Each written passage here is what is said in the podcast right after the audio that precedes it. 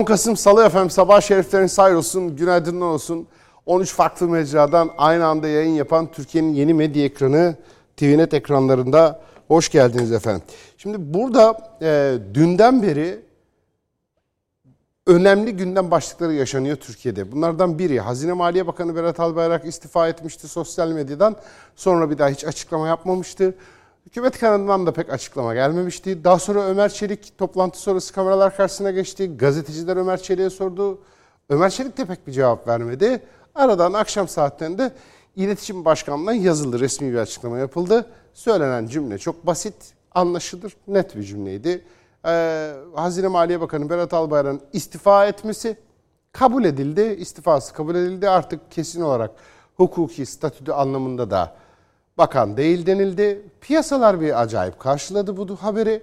Hemen ardından gelişme hani peki şey gitti, e, Hazine Maliye Bakanı mevcut olan gitti. Yerine kim gelecek sorusunun cevabı geldi. İşte bu kim oldu şey yeni bakan Lütfü Elvan Hazine Maliye Bakanı oldu. Güzel. Bu önemli bir gelişmeydi Türkiye için. Bu gelişmeyi tam atlattık. Acaba bu ne anlama geliyor? Hadi bakalım bunu konuşalım. Piyasalar buna ne diyecek? İç piyasa buna nasıl cevap verecek? Nasıl fiyatlandıracaklar bunu? Borsada nasıl tepki olacak? Dövize bir etkisi olur mu diye tartışırken dolardaki o sert düşüş dikkatinizi çekti mi? Evet, dolardaki o sert düşüşün bize bir şeyi kanıtladığını gördük hep birlikte. Bu benim için önemli bir veriydi. Ben bunu tarih olarak kaydettim yeniden. Birkaç kere daha böyle bir şey kaydetmiştim. Bunu da kaydettim. Mesele şu. Dolar düşmeye başladı doğru mu? Peki ne oldu mesela? Biz burada Azerbaycan meselesiyle ilgilenirken ya da işte Hazine Maliye Bakanı'nın istifa meselesiyle ilgilenirken son 6 saatte böyle arkamızı bir döndük. Aa 200 bin kişilik istihdamlı uzay üssü falan kurmuşuz biz meğerse de haberimiz yok. Birden ekonomi gelişmeye başlamış. Görüyor musun? Konya'nın göbeğinden petrol çıktı. Dolar o yüzden düşüyor. Yani ne oldu yani ekonomik olarak? Hiçbir şey. Ne değişti 6 saatte bizim ekonomik olarak rezervimiz? Bir baktık bir de ne görelim? Halic'in altından 7 ton altın çıktı hazineye. Ha 7 ton. 70 ton hatta 7 ton değil. 70 ton altın. Aa bak 70 ton altın bulmuşuz. Normal TL değer kazanıyor artık ekonomimiz düzeliyor değil mi? Ya buna hiçbiri olmadı. Durup dururken çıkan dolar durup dururken düşmeye başladı. Bu bir şeyin kanıtı. Bu dolar meselesi baştan sona ve tamamen siyasi. Baştan sona ve tamamen. Siyasi olarak yükseliyor, siyasi olarak düşüyor. Düştü, kötü, çıktı, iyi meselesi değil söylemeye çalıştım. Şunu söylüyorum. Bu olay siyasi bir olay. Konunun ekonomiyle ilgisi yok. Üretim, katma değer, iş yapmak, ihracat, dövizin bunlarla ilgisi yokmuş. Ne değişti ülkede? İhracat mı patladı son 4 saatte? Hiçbir şey. Konu siyasiydi. Dolayısıyla dövizle mücadele aslında siyasi mücadeledir ve hatta kişisel iddiam şu ki tamamen siyasi mücadeledir. Başka hiçbir şey değil. Hani bana rasyonel olarak birisi açıklasın doların neden düştüğünü veya neden yükseldiğini. O yüzden bu da önemliydi. Sonra iyi haber geldi. Tam bunu değerlendirelim, bir tartışalım dediğimiz anda gecenin ilerleyen saatleri Azerbaycan'dan güzel haber geldi. Açıklama yapıldı. Ermenistan önce Paşinyan bir açıklama yaptı. Ben de de anlaşma imzalayacağım dedi. Ne oluyor ya? Yalan söylüyor olabilir, taktik yapıyor olabilir. Şudur budur derken gerçekten anlaşmanın olduğu ortaya çıktı. Azerbaycan'la Ermenistan arasında bir anlaşma. Rusya ve Türkiye belli bölgelerde barış gücü gibi bir konumlanma yapılacak ve Aralık ayına kadar şu anda Karabağ'da hani diyorduk ki 11 şehir var. Bunların 5'inde işgalci 5'i kurtarıldı. Kalan 6'sında işgalci durumunda hala Ermenistan. İşte o şehirlerden de zamanla çıkacağını, Aralık ayına kadar çıkışın tamamlanacağı açıklandı. Çok önemli. Laçin koridoru dan çekileceğini açıkladı. Türkiye'nin oraya yerleşeceği açıklandı ve sonuç olarak en çok beni ilgilendiren sonuç hepimizi, bütün geleceğimizi ilgilendiren müthiş bir gelişme. Ne bu? Elbette Karabağ'ın işgalden kurtulması kabul ediyorum doğru. Bütün duamız, bütün mücadelemiz o yöndeydi. Ama ama ama ama ama artık Nahçıvan'la Azerbaycan birbirine temas edecek. Bir koridor oluşturulacak. Hatta iki koridor bile olabilir. Peki o temas edince ne olacak? Bu stüdyoda defalarca, bu kanalda defalarca söylediğimiz bir cümle. Hatta bunun özel videosunun dosyasını bile çekmiştik burada. Ne demiştik? Türkçe konuşa konuşa Çin'e kadar gidişin yolu açılmış olduğu Türkiye'nin artık Azerbaycan'la bir sınır olacak. Hadi bakalım şimdi gelişmelere.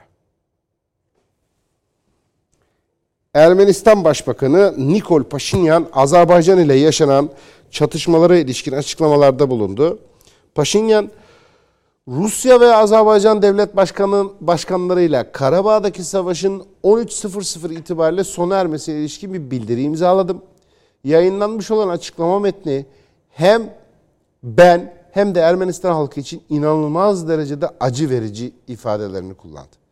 Paşinyan'a göre karar bölgedeki askeri durumun derinlemesine incelemesi neticesinde alındı. Ermenistan, Kelbecer, Adam ve Laçin'den sonra Dağlık Karabağ'ın tamamından da çekilecek.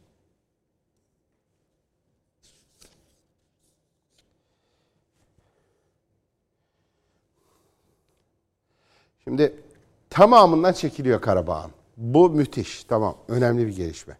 Peki bu gelişme nasıl alındı, nasıl elde edildi? E, konuşarak mı, diplomasiyle mi? Diplomasi bu işin yalan kısmı. Diplomasi dediğiniz ne? Gerçekten gücünüz vardır. Sonra o gücünüzden ortaya bir karar verirsiniz. Bir emir oluşturulur. Taraflardan biri diğerine bir şey emreder. Bak diplomasi başka hiçbir şey değildir. A ülkesi vardır, B ülkesi vardır. A ülkesi B'den daha güçlüdür. A ülkesi B'ye gücünü göstermek için iki tane şamar sallayıp onu bir sersemletmiştir. Sonra demiştir ki gırtlağına sarılıp bak ya seninle güzel güzel barışalım ya da ben senin burada böyle ümüğünü sıkayım geberteyim seni. İstiyor musun? Yok barışalım tamam. Hadi diplomasi yapıyoruz. Ben şimdi sana bir şey emredeceğim. Sen de bunu kabul edeceksin. Bunun adı da diplomasi olacak. Kabul mü? Kabul. İşte diplomasi başlar. Taraflardan biri diğerinin gırtlağını sıkıp öldürme seviyesinde sıkamıyorsa diplomasinin bir anlamı yoktur. Diplomasi o gırtlağı sıkıp gebertme seviyesini çaktırmadan kibarca anlatabilme durumu.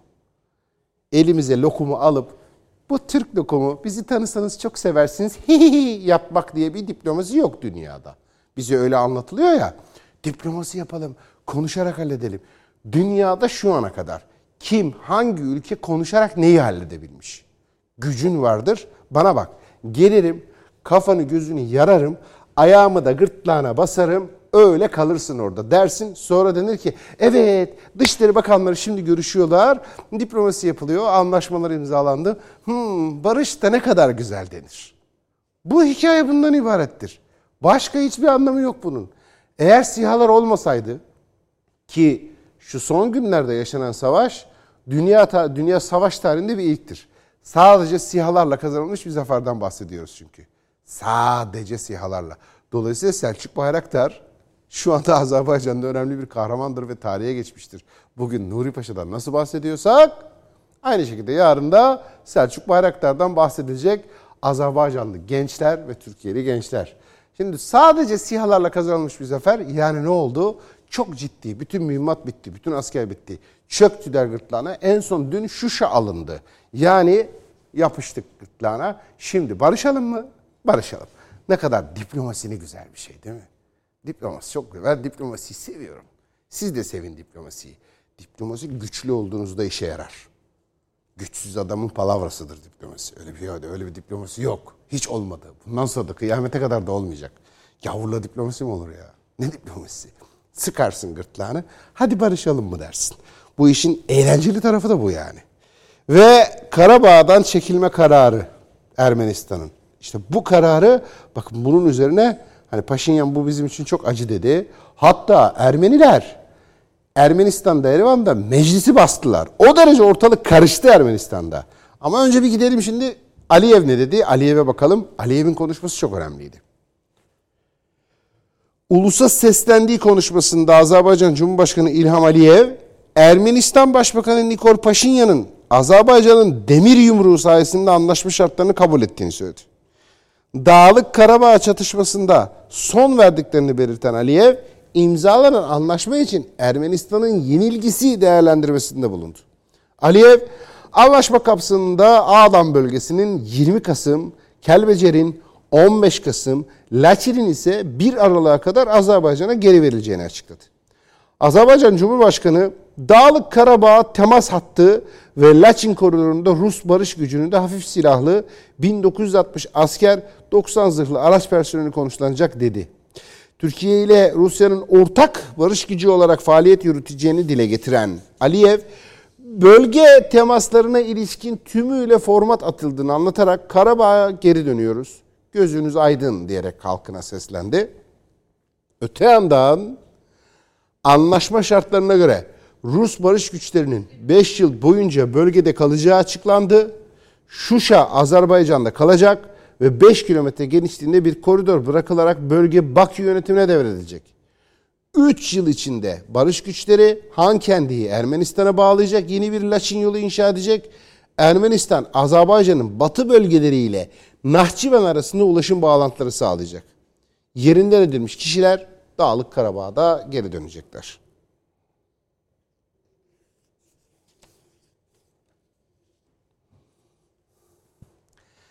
Peki herkesin, hepimizin midesinin bulandığı bir yer var şu anda değil mi burada? Hepimizin. İnsanların içten içe, bütün Türkiye'deki herkesin ak kafası çalışan, tarihin bilen, farkında olan mevzunun, şuurlu her Türk vatandaşının imparatorluk çocuğu olan, perspektifi de imparatorluk olan, aşağılık kompleksi olmayan, Edirne ile Kars arasına sıkıştırıldığının farkında olan, meselesi bu sıkıştırılmayı düzeltmeye çalışan, ideolojisi de dar geliyor bu sınırlar benim gönlüme, bunları kim çizmiş bize diyen, hayatını da buna göre planlayıp, meseleleri buna göre okuyan herkesin tarihi büyük acılarla tecrübe ettiği bir şey var burada. Ne? Ruslar var işin içinde. Demek ki bir yalan söyleniyor. Ruslar var işin içinde. Demek ki bir kazık planlanıyor. Ruslar var işin içinde. Demek ki bir tezgah var. Ruslar bu işin içinde. Demek ki bir sahtekarlık var. Ruslar bu işin içinde. Demek ki bir pislik var. Kesin bilgi bu. Her Türk'ün elindeki kesin bilgi. Rus'un olduğu yerde sahtekarlık vardır yalan vardır, pislik vardır. Bu yüzde yüz bir bilgidir.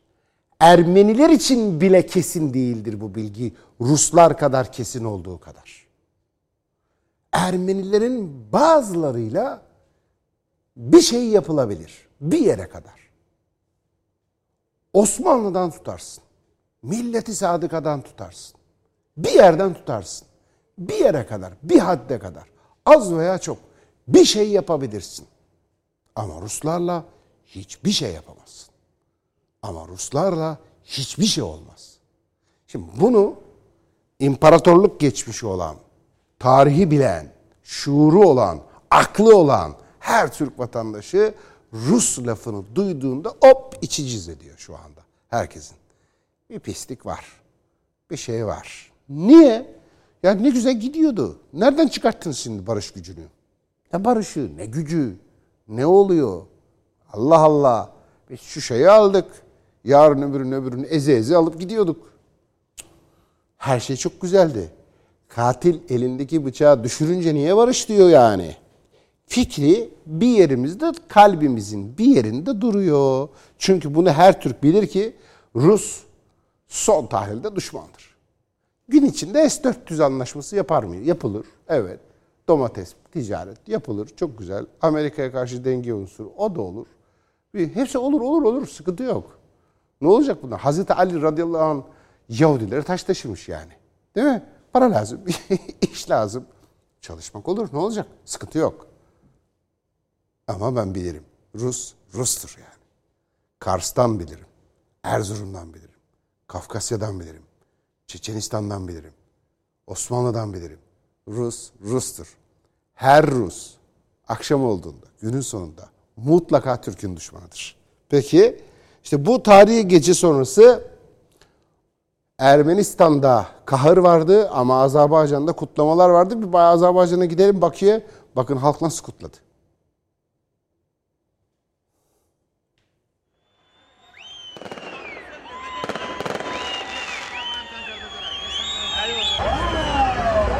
Azerbaycan'da vatandaşların Dağlık Karabağ konusunda Ermenistan'a karşı alınan tarihi zafer kutlamaları sabaha kadar devam etti. Azerbaycan Cumhurbaşkanı İlham Aliyev'in ulusal sesleniş konuşmasında Karabağ'ın alındığını müjdelemesiyle Azerbaycan Türkleri sokaklara döküldü. Azerbaycanlılar sokağa çıkma yasağına rağmen zafer kutlaması için meydanlar, cadde ve bulvarları doldurdu. Karabağ ile ilgili masada ve sahada alınan tarihi zafer gece boyu coşkuyla kutlandı. Klaksonlar çalarak, marşlar ve türküler söyleyerek Azerbaycan ve Türkiye bayraklarıyla halaylar çekildi. Bir bayram havası vardı. Güvenlik güçlerinin önlemler aldığı kutlamalar sabaha kadar devam etti.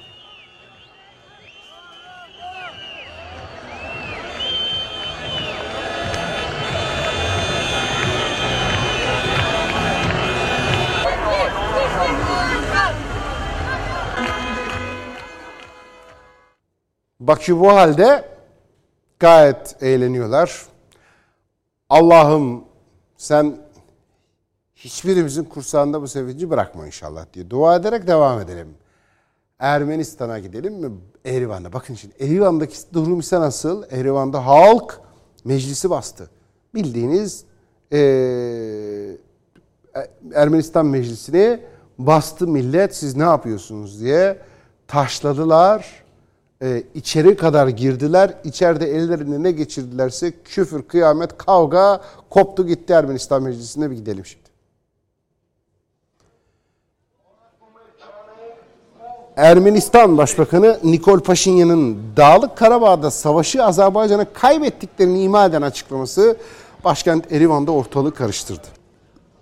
Ermeniler hükümet binasını basarak tepkilerini ortaya koydu. Ermenistan eski Cumhurbaşkanı Serj Sarkisyan'ın damadı olan ve Vatikan Başkonsolosluğundan geri çağrılan e, Minasyan, Paşinyan'ın Ermeni halkına ihanet ettiğini savundu.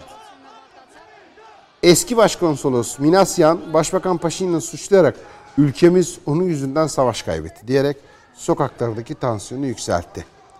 Minasyan'ın açıklamalarının ardından yüzlerce kişi özel araçlarla Erivan'daki hükümet binası önüne geldi Burada toplanan grup polisler tarafından engellenmeye çalışıldı. Ancak protestocuların öfkesiyle baş edilemedi. Hükümet binasının kapıları kırıldı.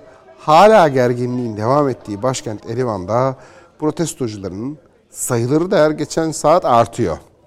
Bölgeye ek polis kuvvetleri sevk edilirken halkın tepkisi bastırılmaya çalışılıyor. Nikol Paşinyan'a muhalif siyasi parti meclisleri ve sivil toplum örgütleri de halkı hükümet binası önünde toplanmaya davet ederken silah sesleri duyulduğu da kaydedildi.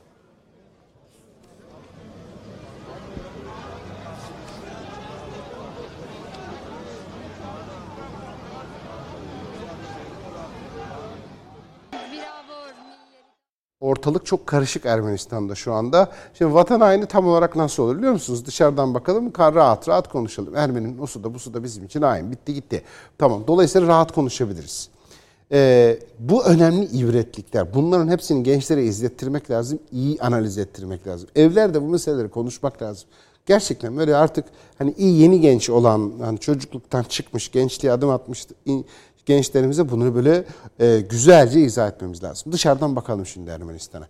Ermenistan Meclisi bir, bir, bir şekilde oradan empati yaparak bakalım. Ee, savaş kaybetmiş adamlar. Doğru mu? Tamam. Ee, ve Paşinyan acayip hatalı kararlar verdi. Tamam. Bu Paşinyan bildiğiniz aptal. Macron'un gazına geldi. Karısı gitti Macron'la konuştu. Kazanacağız. Büyük Ermenistan'ı kuracağız. Daha Azerbaycan'ı alacaksın. Azerbaycan'ı fethedeceksin falan filan dediler adama. Adam şimdi karısının ve Macron'un gazına geldi. Kendini zannetti ki bildiğin Bakü'yü fethedeceğim falan zannetti adam. O vallahi öyle çıktı yolu o. Allah mı yarabbim. Allah akıllı fikir versin. Her neyse. Büyük aptallık yani. Hiç kabul edilebilir ileri tutar tarafı yok. Peki kabul cepte. Buna rağmen bir ülke savaş kaybettiği anda rakip siyasi partileri kalkıp böyle meclisi basarsa he bu savaşı kaybettin git buradan ve yaptığın anda onun adı ne oluyor? Hainlik oluyor. Tam bu anda birlik gerekiyor. Ben size söyleyeyim. O meclisi taşlayanlar, oradakiler, o Manisya'nın adamları falan. Buna hiçbir Ermenistan tarafında değiller. Ermeniler nasıl Ermenistan tarafı? Ya çok net söylüyorum. Hain, hain. Ermenistan haini adamlar. Bugün tam bu anda meclisi taşlayan kim varsa o, o ülkesinin hainidir. Ve Manisyan bunu siyasi fırsat biliyor. Ne kötü değil mi? Senin ülken savaşta zor durumda. Ah, ben Paşinyan'ı da düşürürüm. Buradan da iktidara yürürüz diye hesap yapmak. Bunu cepte tutmamız lazım. Bu önemli. Hainliğin tarifi. Müthiş hainlik. Allah. Bak görüyor musun? Allah nasıl düşürdü birbirlerine. Çok beter oldular. Şimdi Cumhurbaşkanlığı İletişim Başkanlığı'na yapılan açıklamaya gidelim. Daha bültenin başında söylemiştik. Hazine Maliye Bakanı Berat Albayrak'ın istifasının kabul edildiğini açıklandı resmi olarak İletişim Başkanlığı'nın yayınladığı açıklamayla.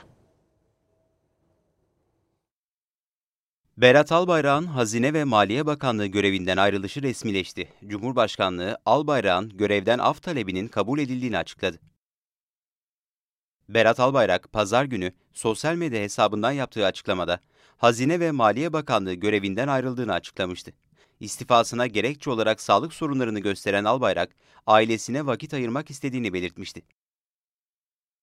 Albayrak'ın kararı ile ilgili resmi açıklama Cumhurbaşkanlığından geldi. Açıklamada, Cumhurbaşkanımız tarafından yapılan değerlendirme sonunda Hazine ve Maliye Bakanı Berat Albayrak'ın görevden af talebi kabul edilmiştir denildi.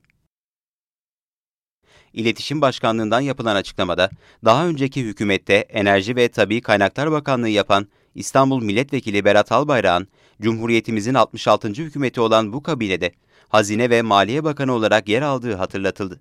Açıklamada ayrıca, bölgesel ve küresel siyasi krizlere ilave olarak koronavirüs salgını sebebiyle gelişmiş devletlerin daha ciddi ekonomik sıkıntılar yaşadığı bir dönemde, Hazine ve Maliye Bakanı Berat Albayrak'ın gayretleriyle ülkemiz bu kritik süreçte olabilecek en az hasarla yoluna devam etmiş, Sayın Bakanımızın başarıları Sayın Cumhurbaşkanımız tarafından takdir edilmiştir denildi. Berat Albayrak'tan boşalan Hazine ve Maliye Bakanlığı koltuğuna gelen isim de belli oldu. Hazine ve Maliye Bakanlığı görevine Lütfi Elvan getirildi. Karar resmi gazetede de yayımlandı. Bir ara veriyoruz. Aranın ardından saat başında buradayız.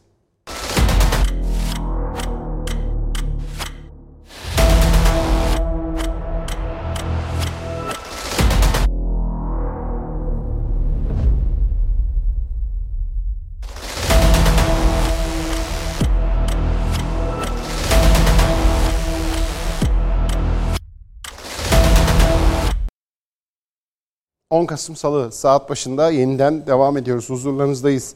Şu anda 13 farklı mecrada aynı anda yayındayız. Türkiye'nin 7 medya ekranları, TVNet ekranlarında nerede kalmıştık diye soruyoruz. Sosyal medyadan biz de görüşlerinizi paylaşmayı ihmal etmeyin.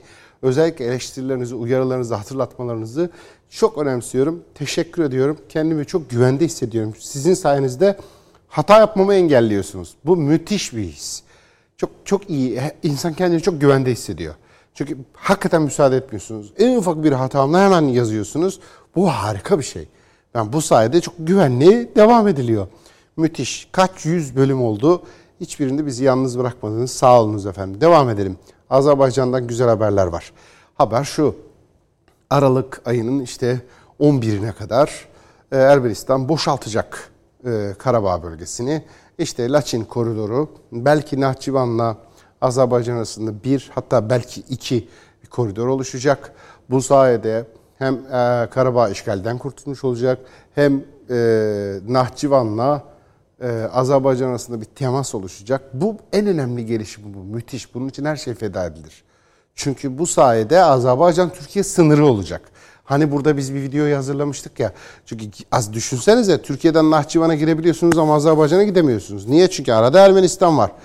Aa, dokunamadım Azerbaycan'a. Çünkü Azerbaycan'a dokunabilsem Azerbaycan'dan yine Türkçe konuşan başka bir ülkeye, Türkçe konuşan başka bir ülkeye, Türkçe konuşan başka bir ülkeye derken Çin'e, Çin'in içine kadar, Çin'in içindeki Türklere kadar ulaşabiliyorsunuz. Türkçe konuşa konuşa. Ne demiştik? Eğer buradan gerçek bir netice alınırsa bu savaştan biz Türkçe konuşa konuşa Çin'e kadar gideriz demiştik. Hah, şimdi o oldu işte. Çünkü Nahçıvan'la Azerbaycan birbirine değerse biz de Nahçıvan'la birbirimize değdiğimiz için işte Azerbaycan'la Türkiye sınırı ve dolayısıyla bütün Türk dünyası birbirine bağlanmış oluyor kara sınırıyla. Harikulade bir gelişme, müthiş, muazzam, şahane bir gelişme bu. Bunun gelecekteki etkileri çok büyük. Daha bugünden bile etkileri çok büyük olur. Bunu kabul ediyoruz ama Ermenistan için çok zor günler. Ermenistan'da ne oldu? Bakın onların bir millet olamayacağının, oranın bir ülke olamayacağının, bir grup serseri çetenin elinde dolaştığının kanıtı. Meclisleri bir savaş kaybetti. Millet bir kısmı, hepsi değil, bütün Ermeniler değil, bir kısmı meclisi bastılar. Korkunç. Bu ne biliyor musunuz? Sizin bir savaş hükümetiniz var. Savaş hükümetiniz bir cephede savaş kaybediyor. Savaş hükümetiniz bir cephede, bir cephede savaş kaybetti diye siz ülkeyi batırıyorsunuz. Bu hainlik işte. Bu onların ülke olamayacağının, millet olamayacağının, serseri çeteler olduğunun kanıtı. Sakarya Meydan Muharebesi'ni düşünün. Sakarya Melheme-i Kübra diyor ya Mustafa Kemal bunun için. Çok büyük savaş yani. O, anlamı o. Çok büyük savaş, çok büyük kan, çok büyük katliam anlamında. Peki Sakarya Meydan Muharebesi'ni ola ki kaybetti. O anda kaybetmiştik. Olmadı. Yani tarih öyle demiyor. Tarih gerçek şu. Sakarya Meydan Muharebesi'ni kazandık. İşte bu sayede Kurtuluş Savaşı denilen savaşın en büyük, belki de tek büyük cephesi, belki de tek cephesi bile sayılabilir. Başka bir tartışma konusu. Sakarya'yı kaybettiğimizi düşünün.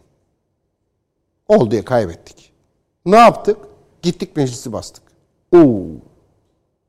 Hiç çıkar mı Anadolu'dan böyle bir ak şey, akıl? Türk'ün aklında hiç böyle bir şey olur mu? Savaşı kaybettik diye gidip komutana saldıran, savaşı kaybettik diye gidip kendi hükümetine, devletine saldıran millet. Böyle bir şey olur mu? Şimdi işte dikkat edin. Böyle bir şey olsun diye çocuk yetiştiriyorlar şu anda aramızda. YouTube'la, değil mi? Dizilerle, muhalifiz, hmm, moderniz, çağdaşız. Bak gözümüzde V var. Akıl, bilim, edede, dedede, dedede. Bir sürü saçmalıkla o böyle profesör bilmem kim, ünlü uzman, ekonomist bilmem kim, ben bilmem neyim, ben teknoloji editörüyüm falan diye dolaşıyorlar ya böyle. Hani çağdaşlık, dünya ile bilmem ne, akıl, bilim, değil mi? Muhalif falan. Çocukları etkiliyorlar, gençlere bir şeyler anlatıyorlar. O kurmaya çalıştıkları akıl ne biliyor musun? Bugün Ermenistan'da yaşanan şey. Savaş hükümetin savaş kaybetti diye meclisi basan ahmak serseriler. Hah, millet olamayacaklar işte. Ülkede olamayacaklar. Ömürleri boyunca, hayatları boyunca yok olana kadar sömürge olacaklar. Yok olana kadar payanda olacaklar. Ahmak adamlar. Biz çocuklarımız böyle olmasın diye bu ibretlik hikayeleri kullanmamız lazım. Gidelim şimdi Ermenistan yenilgiyi nasıl kabul ettiğine. Rusya ve Azerbaycan'la çok acı bir anlaşma imzalamak zorunda kaldım dedi Paşinyan.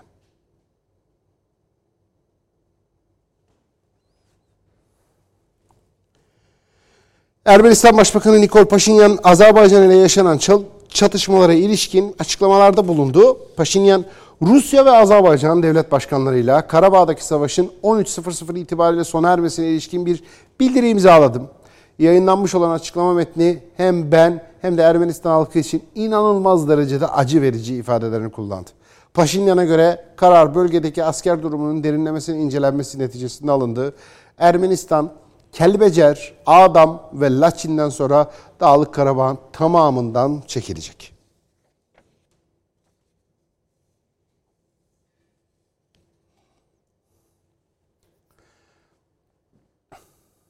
Rusya. Rusya bu işin neresinde? Ya da Rusya bu işin niye içinde? Ya Ermenistan'ın hamisi doğru. Başka? Hmm, Ermenistan'da asker üsleri var. Evet. Başka? Ya Asya'da çok ciddi etkisi var. Evet. Başka? Türk ülkesi diyorsun yani mesela bir sürü ülkeye. Şimdi isim vermeyelim aşağılamak gibi olur da. Çünkü derdimiz bir ülkeyi eleştirmek değil. Derdimiz mevcut durumu tespit etmek. Türk ülkesi. Ha, git bakayım Türkçe konuşuyorlar mı? Herkes Rusça konuşuyor. Öyle Türk mü olur? Rusça okuyorlar, Rusça yazıyorlar. Türkçe kendini ifade edemiyor. Türk. Ya Türk mü Türk sorsan Türk. Adı Türk. E ama Rus olmuş. Değil mi? Kendine mesela Kazakistan. Nesin sen Türk müsün? Aa, Kazakım ben diyor. sen Azeriyim. Türk kendine Azeri diyor. Türk kendine Kazak diyor. Türk kendine bilmem ne diyor. Ya Türk diyemiyor. Niye? E, halletmiş işte Rusya meselesini orada. Anladın mı? Rusya halletmiş orayı. Ne konuşuyorsun Türkçe mi? Yok Rusça. Türk müsün? Yok Kazak. İşte bilmem ne sonunda Türk ili. Ya wow! öyle Türk ili mi olur? Şimdi ne oldu? E, böyle bir meselesi var Rusya'nın. Bütün bu durumlardan dolayı müdahale ediyor mu? Ediyor. Peki işaret fişeğine ha bak dedim Rusya nasıl geliyor dediğimiz habere gelsin mi sıra şimdi? Rus helikopteri düştü. Allah Allah. Şu şeyi aldık. İş sakinleşti. Yavaş yavaş gidiyoruz. Güzel eze eze gidiyor. Azerbaycan tam iş sonuca bağlanacak. Hiçbir şey yok ortada. Durup dururken Rus helikopteri düşüyor. Bak sen Allah'ın işine.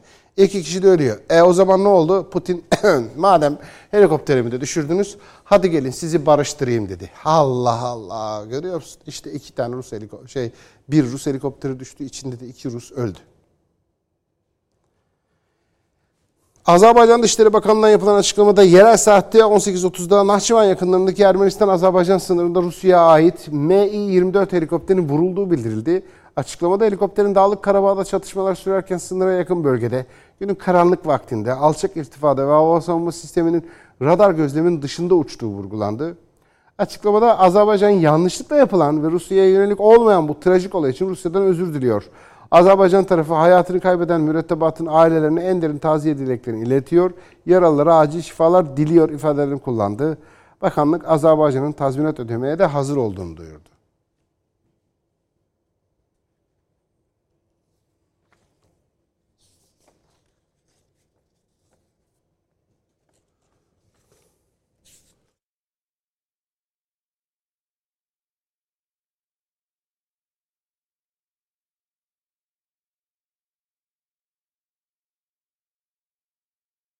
Şimdi bütün bunlar ne oluyor? Şimdi bir, bir mevzuyu anlayabilmemiz için, bir olayı anlayabilmemiz için bir tarihsel sürecini, buraya nasıl gelindiğini çok kısaca bilmemiz lazım. O perspektiften bakarak yorumlamamız lazım. Değil mi? Ya küçük bir aile kavgasını bile başını sonunu bilmeden anlayamazsınız. Ne oluyor bundan birbirine ne yapıyorlar ya? Kim haklı kim haksız? Bundan sonra ne olabilir bilemezsiniz. Ama tarafları tanırsanız, olayı bilirseniz, mekanı bilirseniz, o ev neresi, o kişiler kim, konu ne bunu bilirseniz daha güzel anlaşılır mesela. Tam da öyle olsun diye biz o zaman bunu hakikaten bil, bu bölgeyi Ermenistan, Azerbaycan, Karabağ, Rusya, savaş, askerlik bütün bunları bilen ve bütün bu bilgilerle aynı anda hakikatli bir çerçeveden bakabilecek birine soralım dedik. Kim? Yücel Karaoğuz var. Emekli Tuğ General. Aynı zamanda Azerbaycan eski ateşesi. Bir soralım, anlamaya çalışalım ne oluyor, bundan sonra ne olacak diye. Efendim hoş geldiniz, kabul ettiğiniz ve katıldığınız için teşekkür ederiz. Ben teşekkür ederim. İyi yayınlar diliyorum. Peki şimdi bu an itibariyle baktığımızda Azerbaycan zaferini ilan etti. Ermenistan Halk meclisi bastı, biz kaybettik denildi. Tam her şey düzelecekken sabaha karşı bir vakitte Rus'un helikopteri düştü. Allah Allah. iki tane de Rus öldü. Çok da şaşırdık. Birden Rusya müdahil oldu. Anlıyoruz Rusya'nın müdahil olmasını. Ermenistan'ın hamisi, kurucusu, işgalin en büyük sebebi olan bir ülke. Peki bundan sonra neler olabilecek efendim? Nasıl bir an bekliyor bizi? Siz ne görüyorsunuz? Biraz önce siz de söylediniz ya bu sorun aslında yaklaşık 200 yıllık bir sorun. Görünürde ise 28 yıllık bir sorun. Evet. Ee, Karabağ konusu e, Azerbaycan için bir kızıl elmaydı. Azerbaycan için bir zümrütü ankaydı. Azerbaycan için bir huma kuşuydu, tuğrul kuşuydu. Bugün çok şükür bu çok, gerçekleşti. Bu bizim Bugün için de bir kızıl elma değil mi komutanım? Çok sözünüzü kestim özür dilerim ama bizim için de bir kızıl elma sayılmaz mı? Türkçe konuşa konuşa Çin'e kadar gidebilmek. Nahçıvan'dan sonra yürüsem Ermenistan'a denk giderim. Ya İran'dan dolaşacağım ya Gürcistan'dan. Ama şimdi böyle olursa ben giderim Azerbaycan'a oradan oraya oradan oraya. Ta Çin'e kadar gideceğim merhaba diye diye. Bu bizim için de kızıl elma sayılmaz mı efendim? %100 kızıl elma. E, zaten anlaşmanın 9. maddesi bu kızıl elmanın kızıl elmanın gerçekleşmesi için bize bir imkan sunuyor. Dolayısıyla zaten Karabağ sorunu sadece Azerbaycan'ın sorunu değildi. Bir Türk dünyasının sorunuydu. Bir İslam dünyasının, İslam coğrafyasının sorunuydu. E, Cenab Prezident de dün de ifade etti. Şuşa'da ilk ezan Fetih Camii'nde okundu. Dolayısıyla olaya böyle baktığımız zaman e, bu bir kızıl elmaydı ve gerçekleşti. Benim kafam Şimdi bu- karışık. Gerçek bir zaferden söz edebilir miyiz şu anda? İşin içinde Rusların olduğu yerde bir pislik, bir tezgah, bir oyun, bir numara olma ihtimali var mı? Gerçek bir zafer konuşabiliyor muyuz şu anda efendim? E, Ben e, gerçek bir zafer konuşabileceğimizi değerlendiriyorum. E, Türkiye 12 Temmuz tarihindeki Toğuz saldırısından sonra e, Rusya ile sürekli Sayın Cumhurbaşkanımızın bizzat yürütmüş olduğu diplomatik e, e, şeyler, alakalar e, devam etti. Tabii ki e, barış için oluşturulacak gözlem noktasında, barış gücü karargahında Türkiye ve Türkiye'nin bulunması da bu anlamda önemlidir. Azerbaycan'ın e, kızı, kırmızı çizgileri bağlamında, Türkiye'nin kırmızı çizgileri bağlamında Azerbaycan'ın toprak bütünlüğünün sağlanması bir. İkincisi Ermenistan askeri varlığının sonlandırılması. Üç kondurma rejimin ondan sonra sonlandırılması. Bu yedi rayonla işgal edilen yerlerin büyük bir çoğunluğuna Azerbaycan'daki artık tarihe karışan göçkün ve kaçkınların dönecek olması ve en büyük rüyamız ve hülyamız olan e, Azerbaycan-Nahçıvan bağlantısı dolayısıyla Türkiye ve Orta Asya Türkleri bağlantısı e, açısından büyük bir zaferdir. Fakat uygulaması ve e, pozisyonları itibariyle zorluklar olabilir.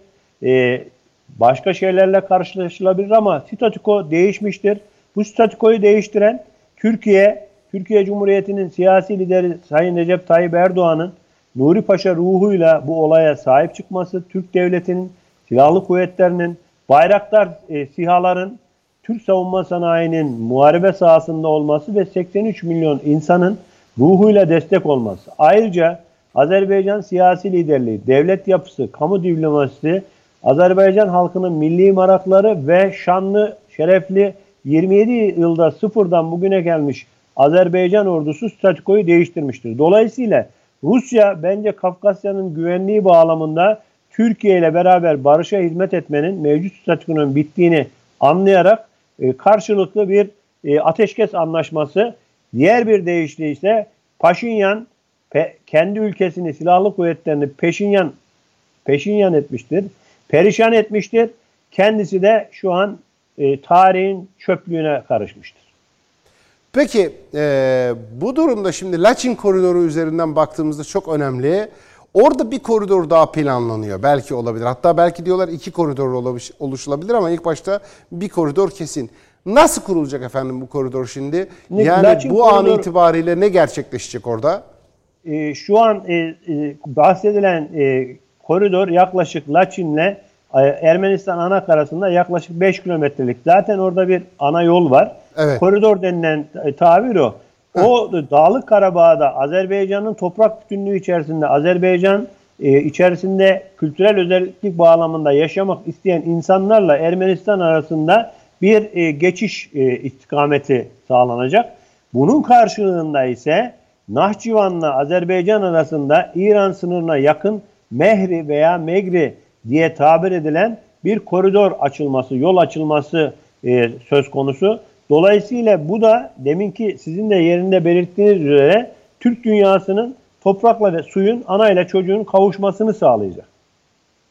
Bu Culfa bölgesi var İran sınırında, e, İran-Ermenistan sınırında. Çok önemli bir nokta Culfa. Zaten Culfa'dan sağa doğru devam ettiğimizde Ermenistan'a varabileceğimiz sınır oluşuyor. Şimdi, şimdi bu Culfa'da bir hazırlık olduğu bilgisi var. O açık kaynaklardan bakıyoruz. İran orada bir hazırlık yapıyor Culfa ile ilgili olarak ve Fransız kaynakları da Culfa Culfa demeye başladı. Şimdi İran bu durumda Rusya'nın bu şekilde açıktan müdahil olduğu bu durumda İran yeniden bir e, şey yapabilir mi? Başımıza bela olacak bir aksiyon alabilir mi? Yoksa hani biz taki olarak değerlendirmiştik konuşmasını, Hamaney'in konuşmasını işte birden dönmüşlerdi çünkü şeyi tarafına Ermenistan destekçisi olan İran birden böyle sanki Azerbaycan destekçisiymiş gibi konuşmuştu. Biz de demiştik ki ya bunlar takiye yapıyor. Çünkü bunlar şeyin sıraya sıranın kendilerine geleceğini biliyorlar. Bugün Karabağ'ın özgürlüğüne kavuşması yarın Güney Azerbaycan'ın özgürlüğüne kavuşmasıdır. Tebriz gibi Türk illerinin de Güney Azerbaycan'a bağlanma hedefimiz aktif olur artık. O, o hedefe de ne zaman ulaşırız belli değil ama böyle bir hedef sıradaki hedef olarak aktif olabilir. Bu da bunun takiyesini yapıyor. Çünkü bu adamların Azerbaycan'ı destekleme ihtimali yok demiştik. Tam bugünlerde şimdi açık kaynaklardan istihbarat geliyor ki Culfa'da bir hazırlık yapılıyor.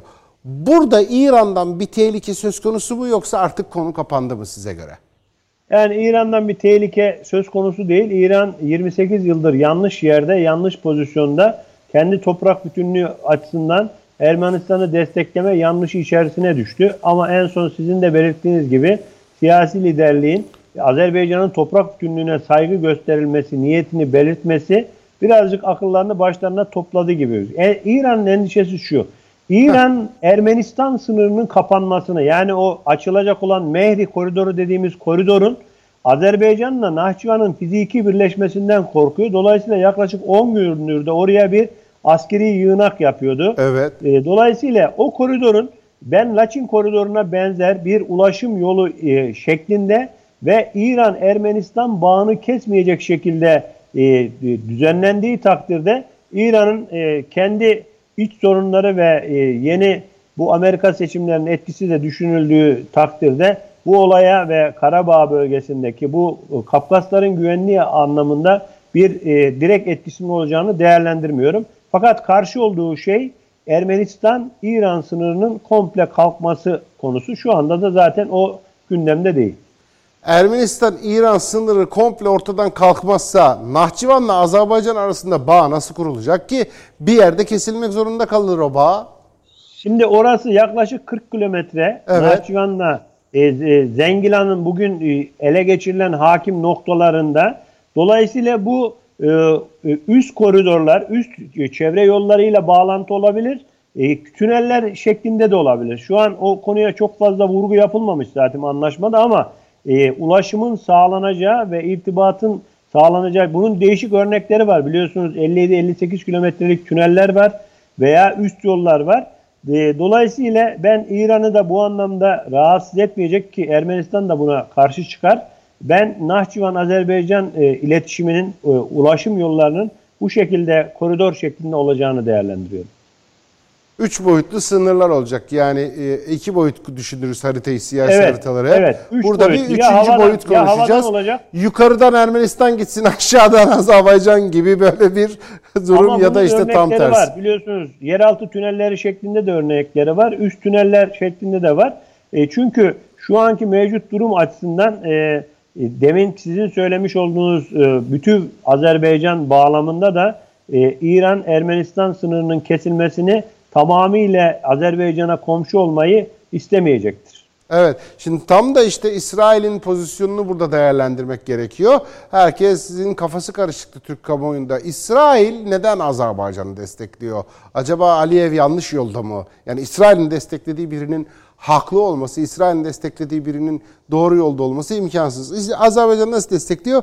Sizin bu konuda açıklamanız ne olabilir? Yani İsrail'in Azerbaycan destekçisi pozisyonu neye bağlıyorsunuz? Gelip hani İran'ın Suriye'de olma isteği neden? İsrail'in dibine geleyim diye. İsrail'in de Azerbaycan'da olma isteği İran'ın tepesine çıkayım diye. Bu mu efendim mesele?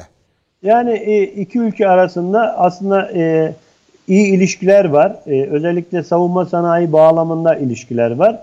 Ben İsrail'in Azerbaycan olan yakınlığını sizin de belirtmiş olduğunuz gibi İran'ı rahatsız etmek ve İran nüfuzunu alanını daraltmak açısından siyasi olarak e, değerlendiriyorum.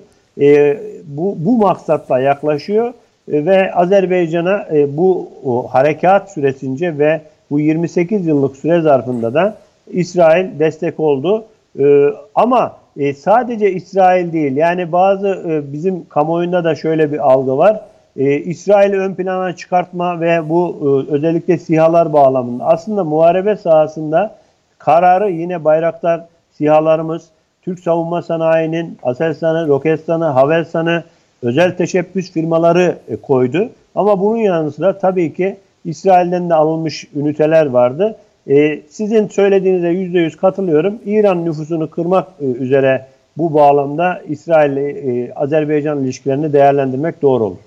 Peki son soru. Ee, efendim şimdi bu durumda biz nasıl değerlendireceğiz bu meseleyi? Artık bu savaş bitti. Azerbaycan zaferini ilan etti. Ee, Ermenistan da kaybetti deyip konunun kapanacağını düşünüyor musunuz? Yoksa bizi bekleyen başka dengeler, yeni tehlikeler söz konusu mu? E, bu konu kapanmaz çünkü e, bu 200 senede yaratmış oldukları nüfus alanının bir anında daralmasını e, hem e, büyük küresel güçler istemeyecektir. Aynı zamanda e, bugün Bakü'ye e, ateşkes sağlandıktan sonra atılan füze bağlamında da veya Asala terör örgütü benzeri eylemlerle de bu e, ateşkes ve Ermenistan'ın teslim olma ve yenilgi sürecini zora, akamete e, sokacak faktörler e, yaratılabilir. Ya, bay, bir merhale bitti, bir merhale başlıyor.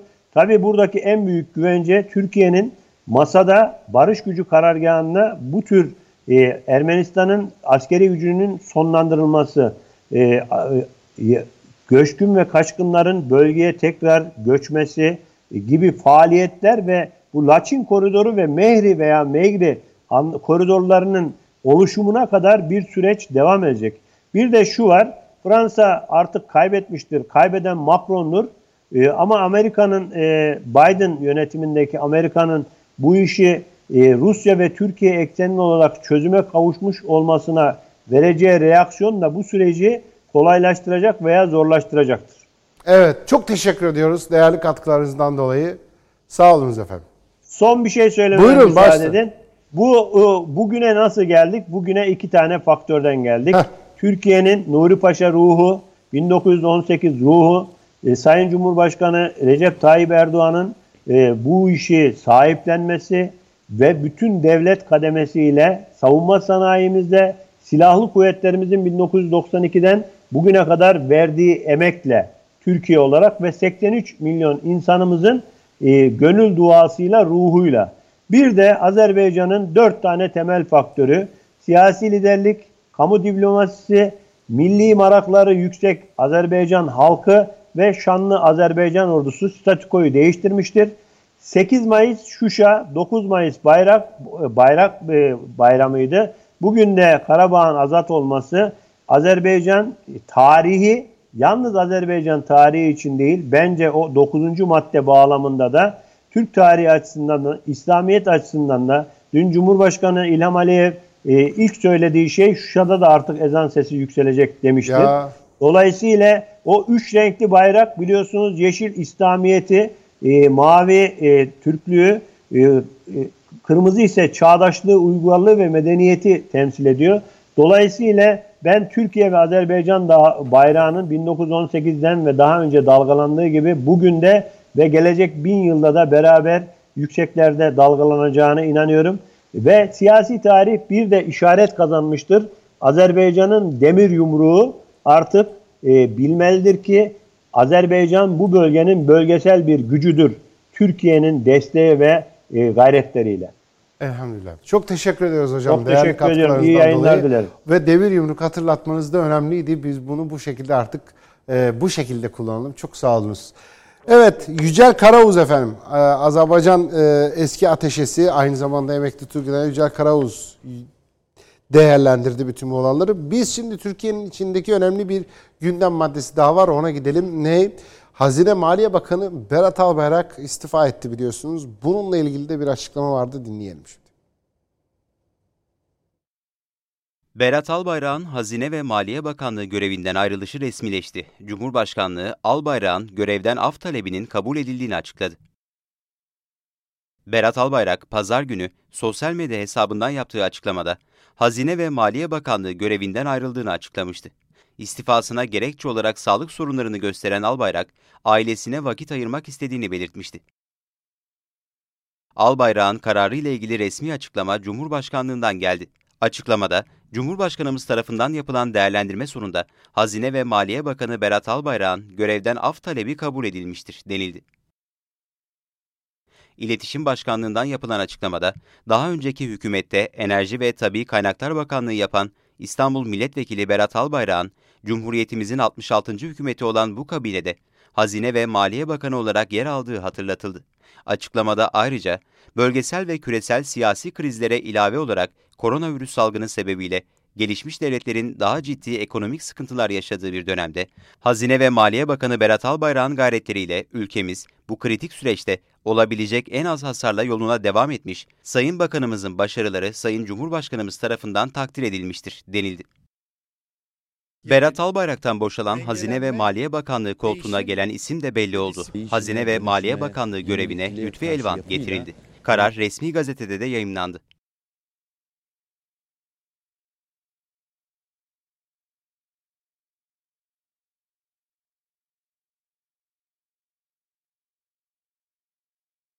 Ve Ömer Çelik, AK Parti sözcüsü Ömer Çelik e, partisinin MYK toplantısı vardı. Toplantının ardından bir e, konuşma yaptı. İlk konuşmada öyle söylediği önemli bir cümle vardı.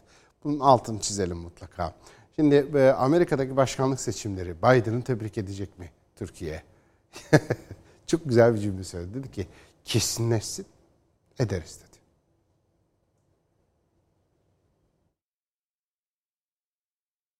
Tabii ki seçim sonuçları resmen belli olduğu zaman Amerikan halkına ve Amerikan demokrasisine duyduğu saygı gereği e, kazananı tebrik edecektir. Biz e, seçim sonuçlarının resmen e, belli olmasını bekliyoruz. Çünkü nihayetinde itirazlar oluyor, başka tartışmalar oluyor, benzeri şey oluyor. Önemli olan Amerikan halkının ve Amerikan demokrasisinin verdiği karardır. E, adayların her ikisini de yakından tanıyor Türkiye. Birisiyle başkanlık döneminde beraber çalışıldı Trump'la. E, kazandığı ilan edilen, gayri resmi sonuçlara göre kazandığı ilan edilen Biden'la da Obama döneminde başkan yardımcısı olarak e, yakın bir çalışma imkanı oldu. Dolayısıyla Türkiye'nin oradaki hangi kanat kazanırsa kazansın ona göre hazırlıkları vardır.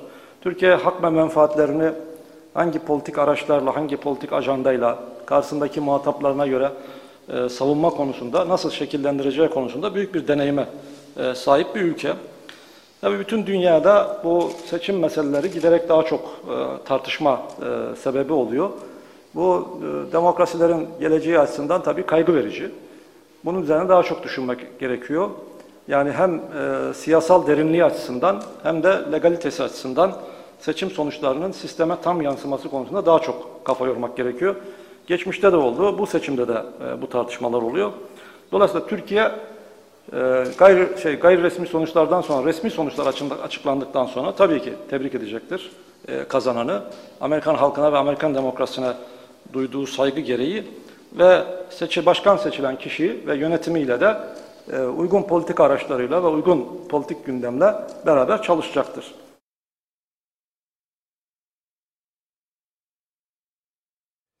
Hadi bakalım günün gazetelerine, birinci sayfalarına bakalım hızlıca neyden bahsediyorlar. Ee, Doğu, şimdi bugünkü gazetelerde bu Azerbaycan zaferinin olması mümkün değil. Çünkü gazetelerin basıldığı saat itibariyle artık baskıya gitmişti gazeteler. Ondan sonra geldi haber gecenin ilerleyen saatlerinde. Dolayısıyla gazetelerde Azerbaycan'ın zafer haberi olması mümkün değil ama diğer haberler önemli gündem başlıkları var gazetelerde. Bakalım Yeni Şafak gazetesinin manşetiyle başlayalım. Mücadele bayrağı inmeyecek diyor Yeni Şafak gazetesi manşetinde. Cumhurbaşkanı Erdoğan Şuşa'nın işgalden kurtarılmasıyla sevinç ve umutların arttığını söyledi. Azerbaycan Cumhurbaşkanı Aliyev'in Şuşa müjdesini gözyaşlarıyla izlediklerini belirten Erdoğan, Dağlık Karabağ'daki işgal bitene kadar mücadele bayrağı inşallah inmeyecektir dediği konuştu. Öyle de oldu. Sabaha karşı mücadele e, hedefine birinci hedefine vardı. Şimdi sırada ikinci hedef Nahçıvan'la Azerbaycan arasında bir sınır oluşturmak.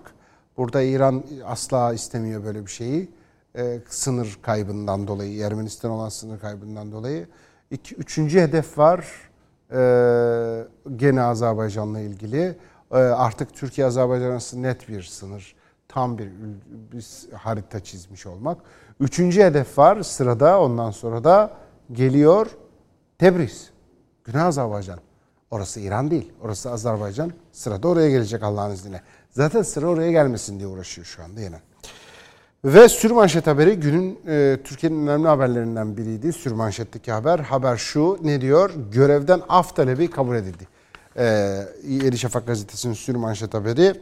Hazine Maliye Bakanı Berat Albayrak Instagram hesabından istifa ettiğini açıklamıştı kendi yazdığı bir yazıyla. Aradan iki gün geçmişti. Ee, ne olacak acaba diye bekleniyordu. Dün o haber geldi. Haberi İletişim Başkanlığı açıkladı. İstifadısının yani görevden affının kabul edildiği yerine de Lütfü Elvan Hazine Maliye Bakanı oldu Türkiye'de. Sabah gazetesiyle devam edelim. Sabah gazetesinin birinci sayfasında bakıyoruz şimdi manşete. Türkiye yeni dönemin kurucu iradelerinden olacak diyor Cumhurbaşkanı Erdoğan. Haklı e, yerine güçlüyü, çoğunluk yerine azınlığı, fakirin yerine zengini koruyan mevcut küresel sistem devam edemez diyor. Ya Türkiye Cumhuriyeti'nin Cumhurbaşkanı'nın an itibariyle bulunduğu pozisyon küresel sisteme alternatif üreten hatta belki onların açısından bakılınca küresel sistemi tehdit eden birinden bahsediyor. Bu sistem böyle devam edemez diye konuştukça e, taraflarda, şartlarda belli oluyor. Ama Cumhurbaşkanı Erdoğan'a e, halk nezdindeki katılımlar bütün küresel olarak halkların Cumhurbaşkanı Erdoğan desteği de giderek artıyor. Bu önemli. Şuşa Bayramı haberi var. Ee, Sabah gazetesinin birinci sayfasında. Elbette artık bir Şuşa Bayramı değil toplam bir Karabağ Bayramı'ndan söz ediyoruz an itibariyle yeni son dakika gelişmelerden dolayı. Hızlıca Hürriyet gazetesinin manşetine birinci sayfasına bakalım. 82 yıldır milletin kalbinde 10 Kasım'dan dolayı sürü manşetten girmiş e, Hürriyet gazetesi. Manşet haberine bakıyoruz. Uğur Hoca başardı diyor manşet haberinde. Yani dünyayı rahatlatan açıklama Türk profesör Uğur Şahin'den geldi. Şahin e, Pfizer ile geliştirdiği aşının Pfizer Pfizer ile geliştirdiği aşının koronavirüse karşı %90'dan fazla etkili olduğunu duyurdu. İlk aşıyı yeni yılda başlanacak. Ee, Amerika'da Biden'a aşı yetiştirme gibi bir telaş var biliyoruz onu. Hani Biden hazır geldi. Küreselciler, bu liberaller severler böyle numaraları. Biden geldi büyük kurtarıcı. Hmm, yeni Mesih böyle elinde aşıyla böyle ışık yapmışlar adamın kafasına.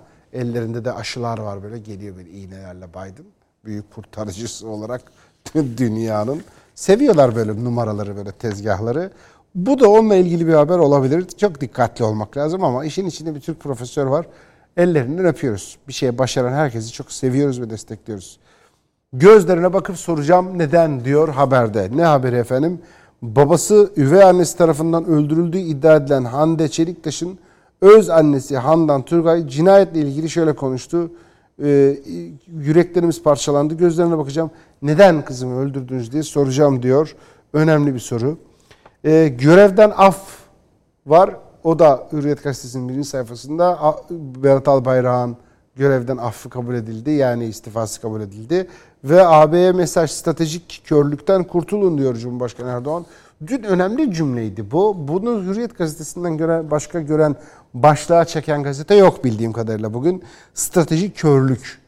Kurtulun bu stratejik körlükten diyor Erdoğan. Ee, büyük elçilerle yaptığı toplantıda bu çok önemli bir mesajdı. Hemen e, Türkiye gazetesine geçelim. Türkiye gazetesinin manşeti nöbet değişimi. Şimdi bu da bir hakkı teslim edeceğiz hemen. Hani medya Berat Albayrak'ın istifasını bir türlü görmedi, göremedi tartışmaları var ya. Evet benim açımdan da öyle. Göremedik. Ee, büyük iflas, büyük kayıp, büyük acı bir gazetecilik adına çok büyük bir kötü bir durum vardı dün. Ve dün Türkiye medyasının namusunu Türkiye gazetesi kurtarmıştı. Bu benim düşüncem. Tam da böyle düşünüyorum.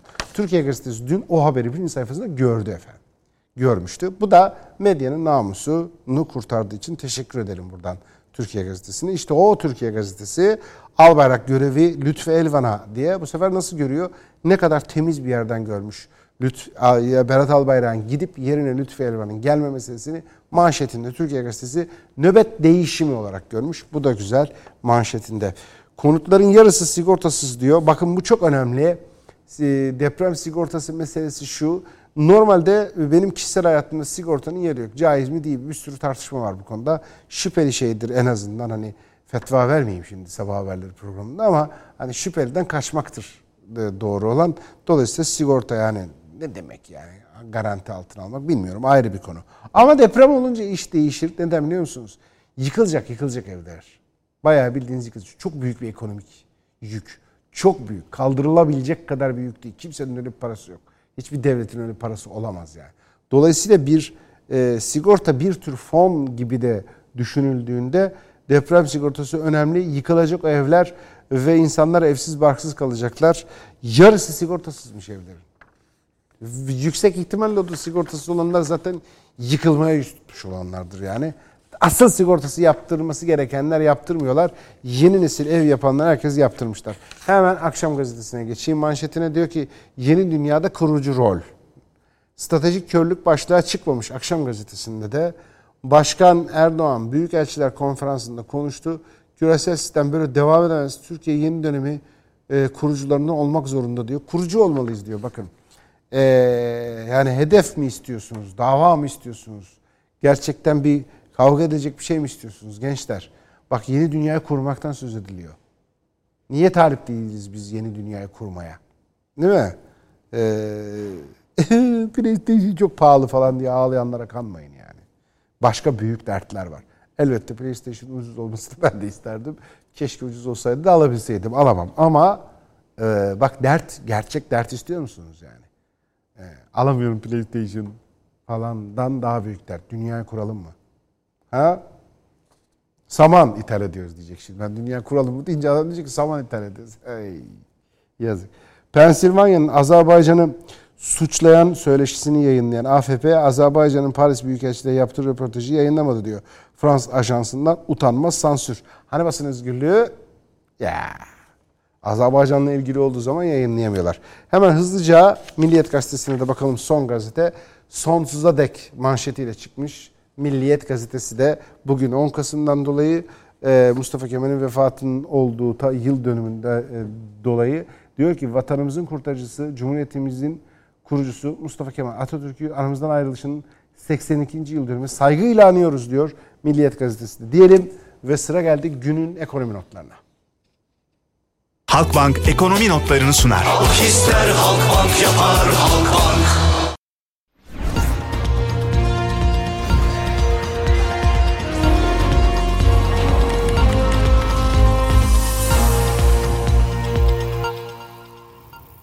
Borsa İstanbul Yüz Endeksine bakıyoruz. 1231 dolar 8.12'ye kadar düşmüş. Ee, anlık olarak artış gösteriyor. Euro 9.90'lardan 9.99'da 10 liraydı. Euro 9.60'lara kadar düşmüş. O da anlık artış gösteriyor. Altın 525 liralardan hatta 530 liralardan 491 liraya kadar düştü. Anlık olarak da artış gösteriyor. Halkbank ekonomi notlarını sundu. Halk ister Halkbank yapar Halkbank. Bir kısa araya gidelim efendim. Şimdi aranlardan saat başında huzurlarınızdayız. Ee, Cumhurbaşkanı Recep Tayyip Erdoğan önce çelenk bıraktı, çırp bıraktı mozeleye.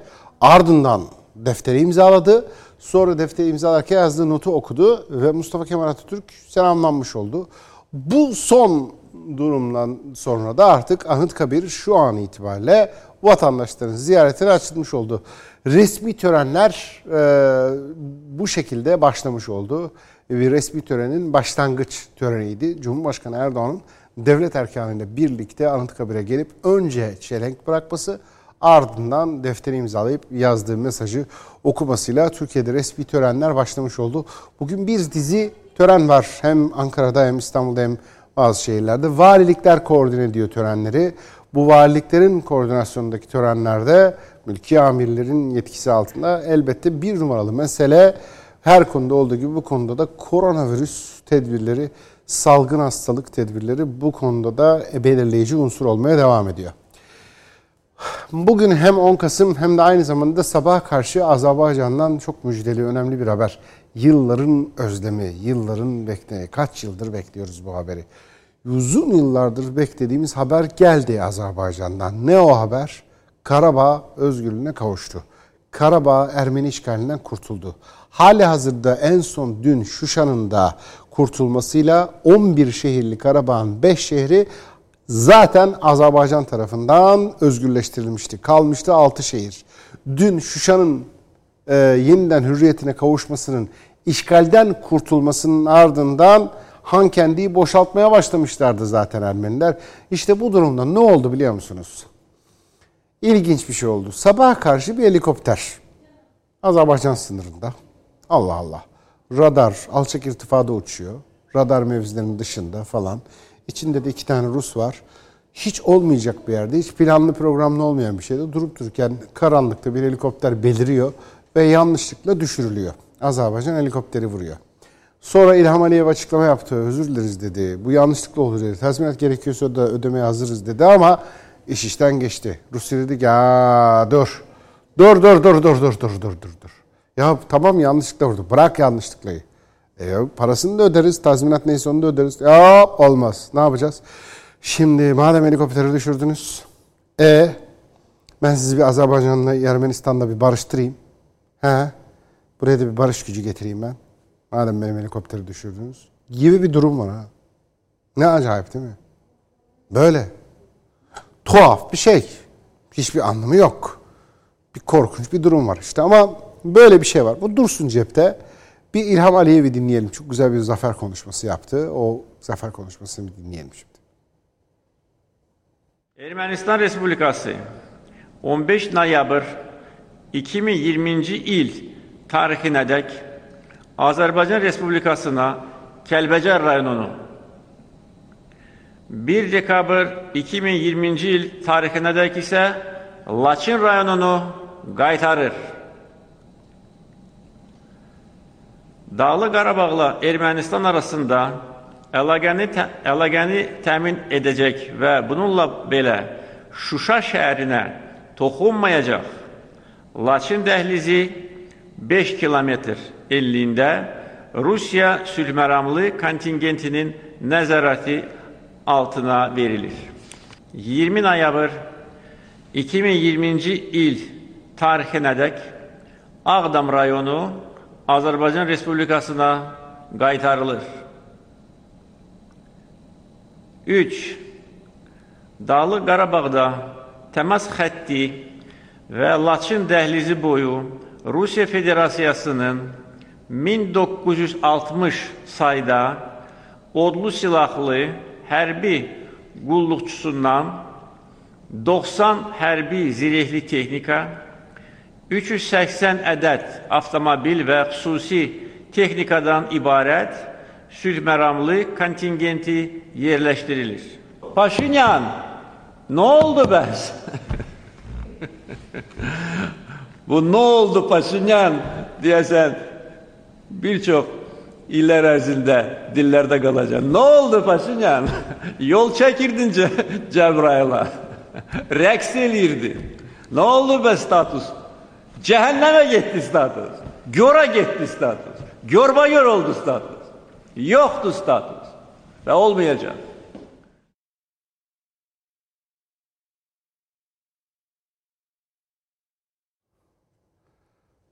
Evet. İlham Aliyev'den bir açıklama. Zafer sevinci açıklaması.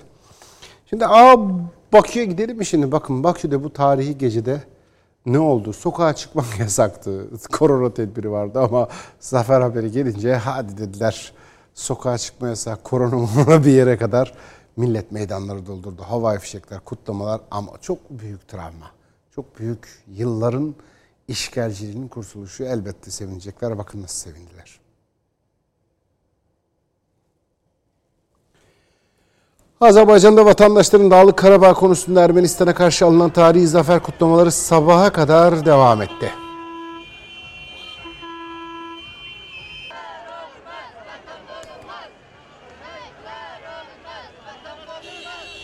Azerbaycan Cumhurbaşkanı İlham Aliyev'in ulusa sesleniş konuşmasında Karabağ'ın alındığını müjdelemesiyle Azerbaycan Türkleri sokaklara döküldü. Azerbaycanlılar sokağa çıkma yasağına rağmen zafer kutlaması için meydanlar, cadde ve bulvarları doldurdular. Karabağ ile masada ve sahada alınan tarihi zafer gece boyu coşkuyla kutlandı. Klaksonlar çalarak marşlar ve türküler söylenerek Azerbaycan ve Türkiye bayraklarıyla halaylar çekildi. Bayram havası yaşandı. Güvenlik güçlerinin önlemler aldığı kutlamalar sabaha kadar devam etti.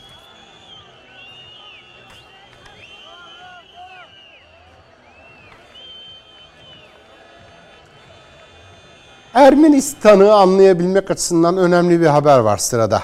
Ermenistan neden devlet değil aslında? Neden bir millet değiller? Bir, bir, bir, bir tür serseri çetelerin hakim olduğu bir yer. Bütün Ermeniler için konuşmuyorum bunu. Başka bir şey söylemeye çalışıyorum.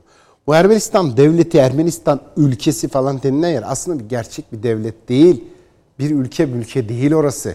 Orası serseri çetelerin yeri. Millet olamayışlarının kanıtı niteliğinde bir haber var şimdi sırada. Neden çok önemli biliyor musunuz bu haber? Yani bugün 10 Kasım dolayısıyla ondan örnek verelim. Sakarya Meydan Muharebesi'ni düşünün. Kazandık değil mi? Kurtuluş Savaşı denilen savaşın en büyük cephesi. Hatta tek cephesi bile denilebilir değil mi? Başka ne savaş olacak yani çünkü. Peki bak şimdi. Ee, o savaşı ya kaybetseydik mesela şimdiki gibi bir sonuç olmasaydı yani gerçekte olduğu gibi kazanmış olmasaydık kaybetseydik ne olurdu? Sizce hiç herhangi bir Türk böyle Türkler toplanıp Anadolu halkı meclise Mustafa Kemal'in üstüne Fevzi Çakmak'a İsmet İnönü'ye falan saldırırlar mıydı? Hı? Kazım Karabekir'e falan böyle bir saldırmalar falan olur muydu sizce? Mümkün iyi böyle hani İsmet İnönü'ye saldıracak Anadolu halkı falan. Kaybettiniz savaşı falan diye böyle Mustafa Kemal'e saldıracak. Böyle bir şey mümkün mü? Olur mu? Ol Olmaz. Niye? Savaşta savaş hükümetine e, cephede komutana saldırılmaz. Cephede komutana eleştiri getirilmez değil mi? Neden? Millet olmanın özelliği budur. Millet böyle olunuyor. Öbürü kalabalık oluyorsun öyle yapınca. Serseri oluyorsun. Böyle bana ne bana ne ülke batıyorsa batsın. Benim PlayStation, ucuza PlayStation almak istiyorum. iPhone alamıyorum ben. E, batıyorsa batsın, savaş çıkıyorsa çıksın. Bana telefon ver. Falan diyen bir tip. Bunu alıyorsunuz o tipi. Ermenistan'a götürüyorsunuz böyle. Böyle meclis hükümetlerine saldırıyorlar. Taşıdı. Eee, niye kaybettin savaşı falan diye. Şimdi bu onların millet olamadığının bir ülke, bir devlet olamayacaklarının serseri kalabalıklar olduğunun kanıtı. Bu, bunu kanıtlar nitelikte bir haber. Ermenistan halkı meclisine saldırdı. Olacak iş değil. Ermenistan Başbakanı Nikol Paşinyan'ın Dağlık Karabağ'da savaşı Azerbaycan'a kaybettiklerini ima eden açıklaması başkent Erivan'da ortalığı karıştırdı. Ermeniler hükümet binasını basarak tepkilerini ortaya koydular. Ermenistan eski Cumhurbaşkanı Sarkisyan'ın damadı ve Vatikan Başkonsolosluğundan geri çağrılan Minasyan, Paşinyan'ın Ermeni halkına ihanet ettiğini savundu. Tabi bu Minasyan için de siyasi bir fırsattı. Eski başka, başkonsolos Minasyan, Başbakan Paşinyan'ı suçlayarak ülkemiz onun yüzünden savaşı kaybetti diyerek sokaklardaki tansiyonu yükseltti ve Minasya'nın açıklamaları ardından yüzlerce kişi özel araçlarıyla Erivan'daki hükümet binasının önüne geldi. Toplanan gruba da polisler müdahale ettiler.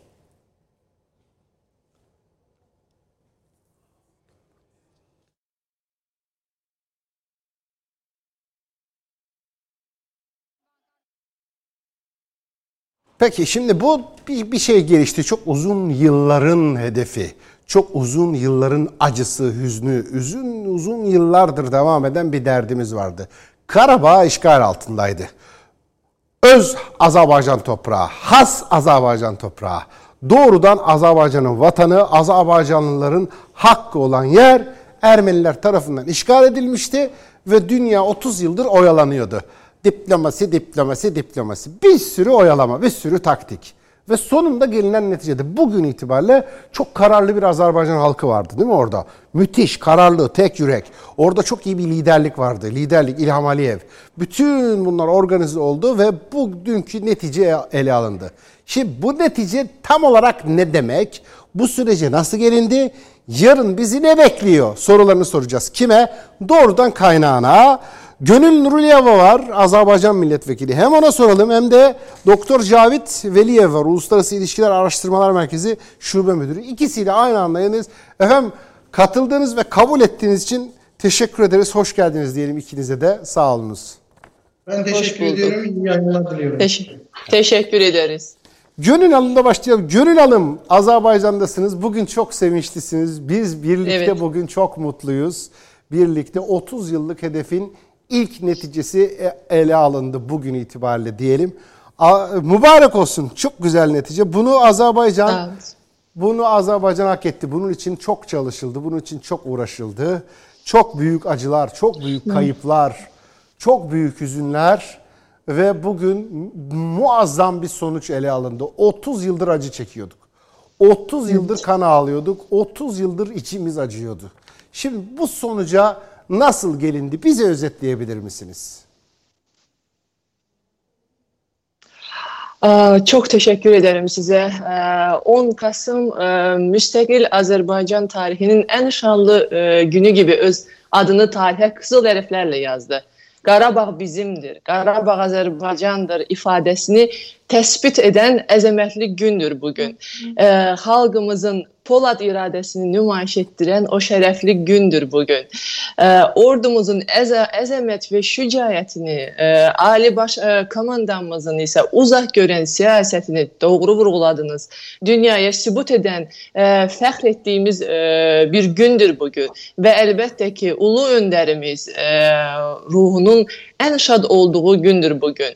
E, bu sonsuz e, sevinci, e, fəxarət izini e, bizə yaşadan e, Ali Baş Komandanımıza, Azərbaycan ordusuna eşq olsun. Şanlı vətən yolunda e, canından keçmiş kahraman e, şəhidlərimizin ruhu şad olsun. Əbədiyyədək e, rahat uyusunlar. E, nəhayət ki, tarixi bir e, ədalət bərpa olundu və Talıq e, Qarabağ münaqişəsi Azərbaycanın qələbəsi ilə başa çatdı. Çox e, inanılmaz bir hisslər keçiriyoruz. Yəni e, sözlə çatdırmağımız belə e, çox zor. Yəni evet. dündən, dündən e, göz yaşlarımızı, e, kal, kalbimizi, sevinç yaşlarını, yəni e, kafada bilmedik. Yani söz ifade etmeyemiz evet. de çok zor. E, Ermenistan'ın bizim Ali e, Başkomandanının e, Sayın Cumhurbaşkanımızın da söylediği gibi Ermenistan e, demir yumruk e, hesabına e, süs sazişine imza attı. Müzaffer e, evet e, Ali e, Başkomandanımızın söylediği gibi Paşinyan bu senede bilirsiniz e, hansısa bir kapalı bir yerde e, yani kameralardan uzak bir yerde e, korkarak namerçesine e, imzalayacak. Yani e, özü de e, demir o yumruğun hesabına çok büyük bir e, qələbə qazandıq. Yəni məhz bu tarixi sənəddə e, əsasən Ermənistan hələ də işğal altında olan e, rayonlarımızı bildiğiniz gibi Ağdam'dı, Laçın'dı, Kəlbəcər e, rayonudur. Yani göz yaşlarımı da e, yani çok zor üzüldüğü Siz orada sebebiniz. ağlıyorsunuz, biz burada ağlıyoruz. yani yani çok zor hakikaten yani hislerimiz e, o kadar büyük ki e, yani e, kendimizi ifade ederken e, saklamamız çok zor. Evet. Ama e, yani güzel bir gündür ve e, söylediğim gibi e, başçımızın da yani Sayın Cumhurbaşkanı da qeyd etdiyi kimi BMT Təhlükəsizlik Şurasının məlum e, qətnamələrine uyğun olaraq qrafik e, əsasda yəni e, torpaqlarımızın geri qaytarılması razılığı əldə olundu və qısa bir e, zamanda 20 gün ərzində e, qalan ərazilərimiz e, də tarixi sahiblərinə qaytarılacaq. E, Azərbaycan uzun il, e, yıllardan sonra öz ərazi bütövlüyünü nəhayət ki e, bərpa etmiş olacak. Ve Azerbaycan e, Sayın Başkanı'nın e, qeyd etdiyimiz gibi bu siyasi iradəsi və prinsipallığı, xalq e, iktidar birliyimiz, ölkəmizin e, uluslararası nüfuzunun artması, illərdir e, möhkəmlənən e, ordu kur quruculuğumuz bizim tarixi qələbəmizi şərtləndirdi və əlbəttə ki, sizlərin, Türk xalqının, Türk qardaşlərimizin, başda e, sizin Sayın Cumhurbaşkanınızın bizə göstərdiyiniz sonsuz mənəvi və e, siyasi dəstəyi yəni söz konusu belə olamaz. Buna göre sizlere çok çok minnettarlığımızı bildirdik. Evet. Peki şimdi hazır Cavit Bey de var. Cavit Veliyev, Uluslararası İlişkiler Araştırmaları Merkez Şube Müdürü. Bir soru var ona soralım. E, merak ediyoruz. Şimdi bu işin içinde Ruslar var. Ben bir Türk olarak, Erzurumlu bir Türk olarak dünyada en son Ruslara güvenmem gerektiğini biliyorum. Bu benim tarihimden miras. Şimdi bu işin içinde Rusların olduğu bir işte Türkiye'de herkes bir şekilde evet efendim çok seviniyoruz bu zafere. Harika, e, iyi sonuçlar alındı, devam edecek. Bundan sonra başka hedeflerimiz de var. Çünkü mesela Nahçıvan'la Azerbaycan'ın birbirine dokunmasını istiyoruz biz. Olmaz öyle Aa, o ayrı o ayrı. Dokunsunlar bunlar. Sonra biz ne yapalım? Türkçe konuşa konuşa Nahçıvan'a geçelim. Nahçıvan'dan Azerbaycan'a, Azerbaycan'dan oraya, oraya, oraya Türkçe konuşa konuşa Çin'e kadar gidelim. Bu şimdi bizim hedefimiz. Şahane bir hedef. Bunu ayarlayacağız da Gece gece Rusların helikopteri düştü. Ruslar da dedi ki biz de burada barış gücü olarak varacağız. Şüphelenelim mi bu durumdan? Cavit Bey, Dok, e, Cavit Veliyev şüphelenelim mi bu durumdan? Yoksa kalbimiz rahat olsun mu? Siz nasıl yorumlarsınız? Teşekkür ediyorum. Ee, gerçekten Azerbaycan e, devleti ve halkı bugünkü durumu bir bayram olarak, bir zafer bayramı olarak kutluyor. Biliyorsunuz bugün Azerbaycan'ın başlattığı askeri operasyonların 45. gününde ve 45. gününde artık Ermenistan Azerbaycan karşısında diş çöktü ve Azerbaycan'ın taleplerini altına imza atmak zorunda kaldı. Bunu Paşinyan'ın kendisi de ifade etti ki benim başka yolum yoktu. Buna imza atmak dışında başka yolum yoktu. Evet. Tabii ki biz Azerbaycan olarak bu zaferi e, Sayın Cumhurbaşkanımızın liderliğinde halkın ve ordumuzun dayanışmasıyla kazandık. Azerbaycan ordusu gerçekten cephede hem büyük bir profesyonellik hem de vatanseverlik göstererek en kritik yerlerin bile işgalden kurtarılmasında en önemli rolü oynadı. Bildiğiniz gibi 27 Eylül'den itibaren başlayan askeri operasyonlarda artık Azerbaycan ordusu 300'den fazla yerleşim yerini işgalden kurtarmıştı. Doğru. Ve bundan sonra yayınlanan bildiriyle de e, Ağdam, Laçın, Kelbece aşamalı bir şekilde Ermenistan ordusu tarafından boşaltılacaktır. Dün e, e, Nahçıvan sınırında e, Rusya'nın bir askeri Rusya'nın Ermenistan'daki üstünde bulunan askeri helikopteri vuruldu ama e, biliyorsunuz Azerbaycan'la Ermenistan savaş durumunda bu helikopter Ermenistan tarafındaydı ve bu belli değildi. Yani Ermenistan helikopteri midir, Rusya helikopteri midir? O nedenle vuruldu ve sonuç olarak e, bu mesele e, ciddi bir sıkıntı yaşamadı. Azerbaycan Dışişleri Bakanlığı bir açıklama yaptı. Cumhurbaşkanı İlham Aliyev bir açıklama yaptı. Evet. Bu bir sıkıntı olarak ya öz, özür dilendi hatta gerekiyorsa tazminat bile öderiz yani biz bunu yanlışlıkla vurduk yanlışlıkla denildi. Evet, o olan, konu kapandı. Hedef e, bizim Azerbaycan olarak hedefimiz topraklarını işgalden kurtarmak da hedef e, Rusya ile veya başka devletle e, e, ek bir problem bir e, gerginlik yaratmak değildi. O nedenle de evet. Azerbaycan bu meseleyi bu şekilde çözmeye çalıştı. Odaklanma hedefimiz daha çok topraklarımızın işgalden kurtarılması olduğu için ek bir gerginlik istemiyorduk ve bu da e, yaşanmadı. Ve bundan sonraki süreçte Ermenistan tarafı aşamalı bir şekilde Azerbaycan topraklarını işgalden kurtaracaktır ve e, bu durum e, e, Azerbaycan'ın bir zaferi olarak e, şu anda kutlanarak evet. e, devam ediyor Azerbaycan'da ve bu Azerbaycan toprak bütünlüğünün sağlanması demektir. Nahçıvan'la Azerbaycan arasında da koridor açılacaktır. E, artık doğrudan Nahçıvan'la bir iletişim e, kurulacaktır. İnşallah. E, ondan sonraki aşamada Türkiye'den e, yüklerin de Nahçıvan üzerinden Azerbaycan'a gelme şansı bundan sonra da artacaktır. Tabii bu bildirinin uygulanması biraz zaman alabilir çünkü orada şartlar var. Ermenistan'ın bunun e, e, bu mekanizmaları artık uygulamaya konması gerekiyor. Düşünüyorum ki bundan sonra bu bildiride ki şartların uygulanması için e, artık mekanizma çalışacaktır. Ayrıca Karabağ'da Türk askeri de varlığı olacaktır. Çünkü ateşkese temin olunması ve bu bildirinin uygulanması için bir mekanizma kurulacak ve Türk ordusu da bu mekanizmanın içinde yer alacaktır. Türk ordusu da Dağlı Karabağ'a gelecek. Azerbaycan'ın Karabağ bölgesine gelecektir. Peki son artık son bir dakikanın içindeyiz. Gönül Hanım'a konuşalım. Gönül Nuriyeva'ya bir e, şey Nuriyeva diyorum özür dilerim. Bizim burada Sevil Nuriyeva var. İyi arkadaşımız hep onunla karışıyor. ee, e, Gönül Hanım, Gönül Nuriyeva Yeva e, ya Yava ay Yeva söyleyemedi bir türlü özür dilerim. Ee, Gönül Hanım'a soralım. Ee, ben şimdi buradan çıktığımda Azerbaycan'a Bakü'ye gelmek istediğimde birkaç defa geldim Bakü'ye.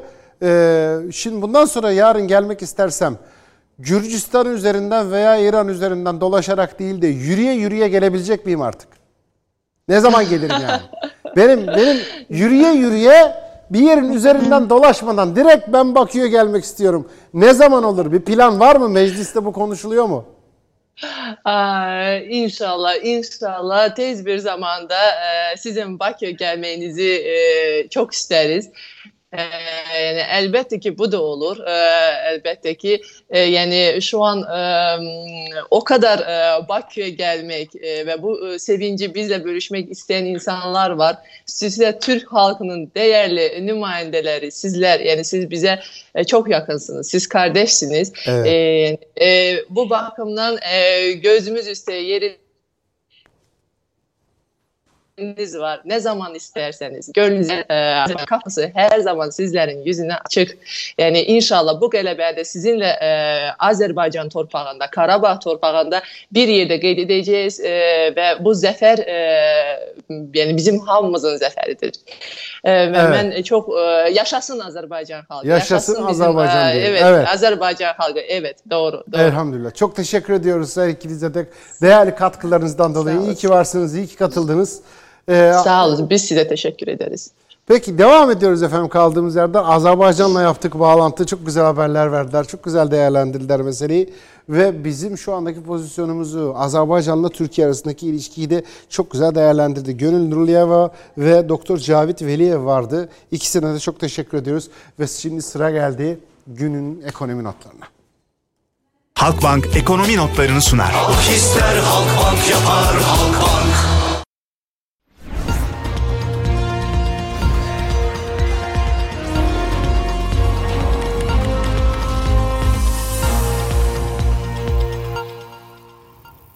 Borsa İstanbul Yüz Endeksi ile başlayalım. 1231'de sabitte şu anda. Dolara bakıyoruz 8.37 yükselmeye devam ediyor.